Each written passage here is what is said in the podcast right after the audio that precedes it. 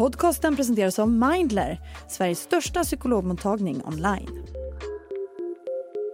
Människor har panik och är rädda efter attackerna i staden Rafah i södra Gaza. Och situationen väntas bli värre. And it's the place where most of the population of Gaza has been fleeing to as the Israelis have advanced from the north. There is mounting international concern that an Israeli ground offensive could again be coming soon. Det var omkring 100 personer som dödades i Israels attacker under natten till måndag enligt den palestinska nyhetsbyrån Waffa. Och Israel meddelar sen att de har fritagit två män som varit gisslan hos terrorgruppen Hamas. Över en miljon palestinier har flytt till Rafah för att söka skydd. Och nu är det många som är oroliga efter att Israels premiärminister Netanyahu sagt att landet förbereder en markoffensiv mot staden. Så vad är det som händer i Rafah och vad väntar härnäst? Det ska vi prata om i det här avsnittet av Aftonbladet Daily som spelas in måndagen den 12 februari. Gäst är Aftonbladets utrikesreporter Nivette Davoud. Natten till eh, måndagen så eh, gick israelisk militär in med både stridsflyg och eh, till viss del också marktrupper och genomförde en större attack mot Rafah. Och det här beskrivs som en koordinerad, välplanerad insats för att rädda två personer ur gisslan som de här personerna som kidnappades av Hamas den 7 oktober när, när eh, terrorstämplade gruppen genomförde den här storskaliga attacken mot Israel. Det är två män som, har, eh, eh som man har kunnat eh, fria. Eh, Fernando Simon Marman, 61 år, och Norberto Luis Har, 70 år. Eh, de har eh, fått återförenas med sin familj och ska vara vid god hälsa i den här attacken så tros omkring 100 palestinier ha dödats. Siffrorna eh, varierar något. De eh, har rapporterats vara både eh, lägre och högre. Eh, men det vi eh, nog kan säga med säkerhet är att många av dem som har dödats är civila. Just eftersom Rafah är den platsen dit majoriteten av Gazas 2,3 miljoner invånare har tagit sig under de här över fyra månaderna av krig. Eh, helt enkelt för att israeliska militären har sagt till dem att evakuera dit. Man kan också säga att eh, de fick ingen förvarning om den här attacken så det fanns inte heller någon chans att evakuera till exempel. Hur ser situationen ut där nu? Alltså Rafah är en mindre stad som ligger i södra Gaza precis vid eh, Gazas södra gräns mot eh, Egypten bland annat. Och före kriget så fanns det runt eh, 280 000 invånare där. Och nu har alltså över en miljon palestinier tagit sig dit. Och många av dem har flytt för andra eller kanske till och med tredje gången sedan den 7 oktober. Från eh, andra delar av Gaza som militären har sagt att israeliska militären har sagt att de måste lämna. Och människor bor i de byggnader som finns som fortfarande är relativt intakta. Eh, för det ske, har skett attacker även innan i Rafah. Eh, eller så bor de i tält eh, under presenningar eller helt enkelt ute på gatorna. Eh, jag skrev häromdagen om eh, ett par familjer som hade eh, tagit skydd i en hönsfarm. Barn som låg på metallhyllor liksom. Eh, det råder brist på precis allting. Eh, mat, tillräckligt med mat, rent vatten, el, bränsle, sjukhus är överfulla och har också blivit till flyktingläger dessutom. Och de har ju samma brist där som alla andra i Gaza också har. Eh, ovanpå det så sprids sjukdomar. Det är, liksom, det är ju kallt väder nu samtidigt som människor inte har tillräckligt med mat och inte kan liksom ha ett starkt immunförsvar. Ehm, det är mycket barn bland Gazas invånare som, som är mer utsatta för den här typen av eh, situationer. Ehm, vårdpersonal har larmat om att man ser tecken på undernäring och, och då ska vi komma ihåg att det här är alltså i, i Rafah som eh, ligger i södra Gaza, där, dit nödhjälp faktiskt kommer fram. Ehm, den gränsövergång som, som har använts längst under det här kriget ligger i just Rafah. I norra och centrala Gaza, där kommer hjälpen i princip inte fram överhuvudtaget. Varför eh, ser Israel det här som deras nästa mål i deras militäroperation? Vad är anledningen till det? Ja, men helt enkelt för att det är Rafah som är kvar kan man väl säga. Eh, försvarsministern eh, Joav Galant sa i förra veckan tror jag att det var, eller väldigt nyligen i alla fall, att nu är Rafah nästa steg i eh, Israels operation för att krossa Hamas och för att befria gisslan. Eh, och det som man hela tiden har hävdat från den israeliska militärens håll är ju att eh, Hamas gömmer sig bland civila, eh, använder sjukhus till exempel eh, som militärbaser, tunnlar som finns i hela Gaza och även under de här sjukhusen eller skolor, FN-byggnader. Eh, att det är där de befinner sig. Och även att det är där de har, eh, liksom håller gisslan. Och ja, att man då fritog två personer ur gisslan under natten, som ju faktiskt var då i, i Rafah, är väl kan man säga ett bevis på det.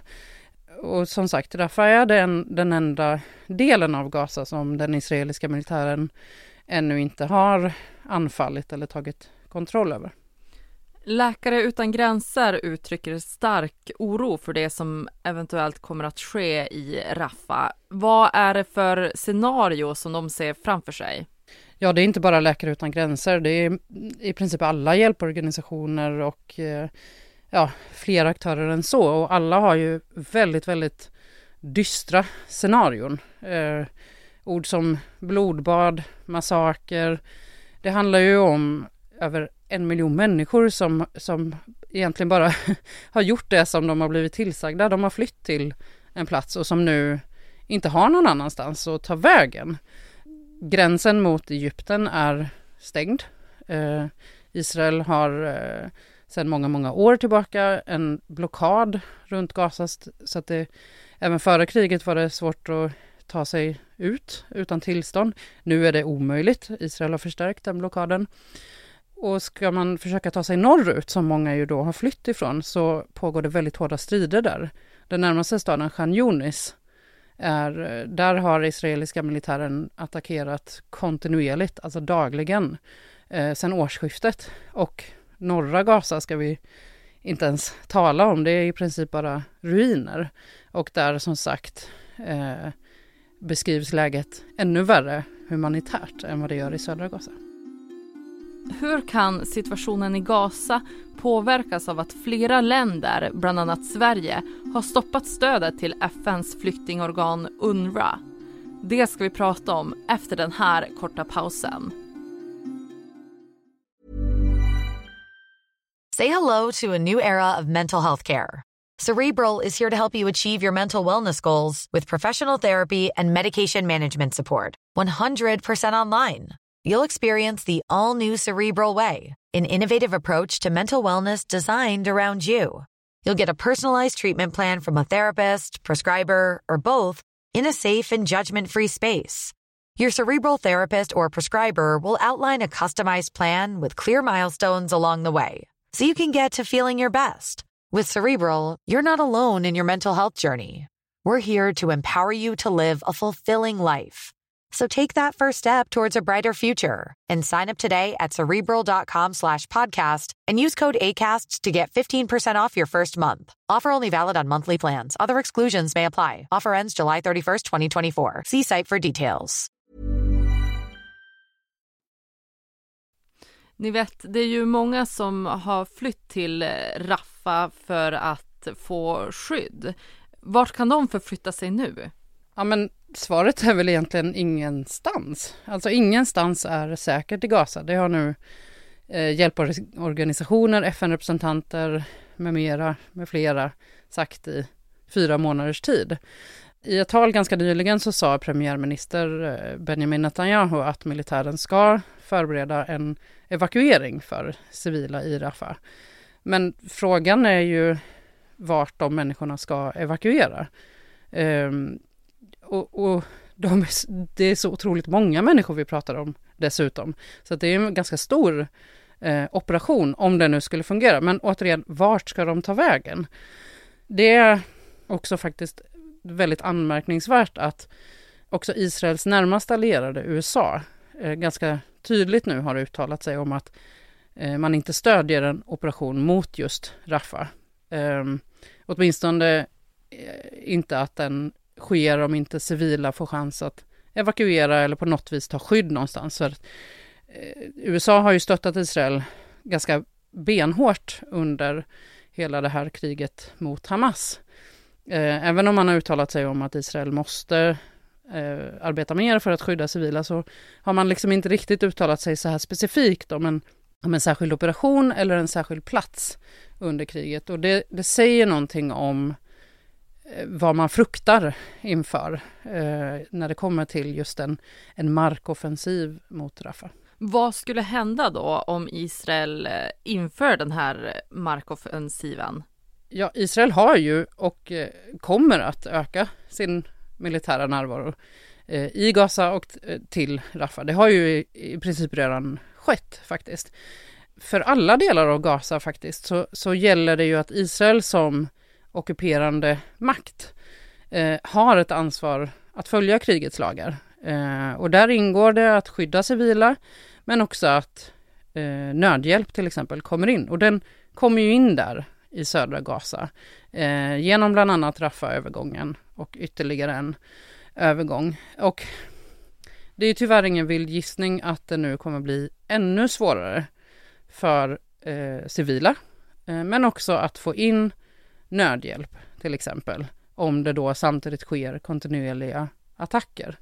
Under förra veckan meddelade Israels premiärminister att han inte skulle gå med på vapenvilan som terrorgruppen Hamas hade föreslagit. Hur går det egentligen med förhandlingarna, Nivet? Ja, precis. Israel och eh, Hamas har ju eh, den senaste tiden lagt fram lite olika förslag kan man väl säga på olika långa eh, vapenvilor eller eh, eldupphör. Ehm, och Eh, de officiella svaren kan man säga från båda parter är att man har nekat den andras förslag. Men det här är ju också en del i ett politiskt spel. Eh, därför att det pågår ju samtidigt förhandlingar.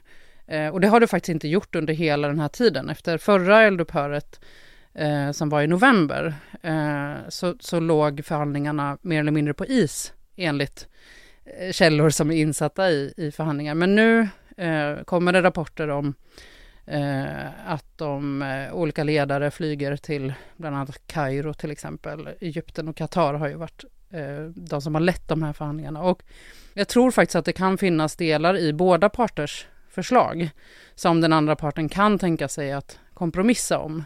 Eh, men än så länge så har det inte kommit något konkret ur förhandlingarna än. I slutet av januari så kom beskedet att den svenska biståndsorganisationen Sida stoppar stödet till FNs flyktingorgan UNRWA. Och förutom Sverige så är det ju fler länder som har pausat det biståndet. Hur påverkar det situationen i Gaza? Ja, som, som jag, det, det hör liksom ihop lite med det jag har beskrivit tidigare. Det, får, det korta svaret är att det får oerhörda konsekvenser. Det är som sagt extremt svårt att få in nödhjälp i Gaza som det är eftersom Israel har skärpt blockaden eh, och kontrollerar vartenda lastbil som får komma in och stoppar till stor del eh, om det är någonting som man tycker inte ska få komma in som Hamas kan eh, använda. Och eh, återigen, det har ju redan varnats för svält, eh, vårdpersonal har börjat se tecken på, på svält hos framförallt barn till exempel. Eh, och det råder som sagt brist på allt. Det som är unikt med UNRWA, eh, en, en myndighet som har funnits väldigt, väldigt länge och som enbart liksom finns till för att stötta just palestinska eh, flyktingar, det är just det att man eh, har så otroligt många lokalanställda i Gaza. Majoriteten av de 13 000 som jobbar för UNRWA i Gaza är lokalanställda, så att de finns redan på plats. Och de gör eh, allt från att köra de här lastbilarna till att vaccinera. Eh, de jobbar som lärare. Det är en jättebred verksamhet där liksom det finns ett upprättat system. Det är inte likt Läkare utan gränser som skickar in internationella team och som har jättesvårt att få in dessa internationella förmågor och jättesvårt att få ut dem när de väl har fått komma in för de måste ju tillbaka efter någon månad liksom och byta team och sådär. De har stora, stora problem med det. Röda Korset säger samma sak. Så när nu eh, UNRWA ser ut att tappa nästan hälften av sin finansiering så varnar man för att UNRWA kommer snart behöva lägga ner sin verksamhet och de andra organisationerna har varnat för att de kan liksom inte ersätta UNRWA. Eh, även om de skulle få de pengarna som, som UNRWA skulle ha fått. Eh, det spelar ingen roll. Eh, det är resurser och det är nödhjälp som saknas. Det är inte pengar. Eh, så det här riskerar att få helt förödande konsekvenser i en redan katastrofal situation. Och det är många som har eh, kritiserat besluten som har tagits av ja, men USA, Sverige, många andra europeiska länder till exempel och kallat det för kollektiv bestraffning vid helt fel tillfälle. Um, givetvis så måste väldigt allvarliga anklagelser utredas, uh, men att givarländerna då inte bara kan pausa och tro att det inte skulle påverka. Uh, det finns till och med de faktiskt som, som hävdar att uh, de här givarländerna som har pausat som Sverige skulle kunna vara, göra sig skyldiga till eller medskyldiga till folkrättsbrott eftersom en av de viktigaste lagarna i krig är just att civila ska skyddas och humanitärt bistånd ska nå fram. Sist här Nivetta Wood, Aftonbladets utrikesreporter. Du har lyssnat på Aftonbladet Daily med mig, Ellen Lundström.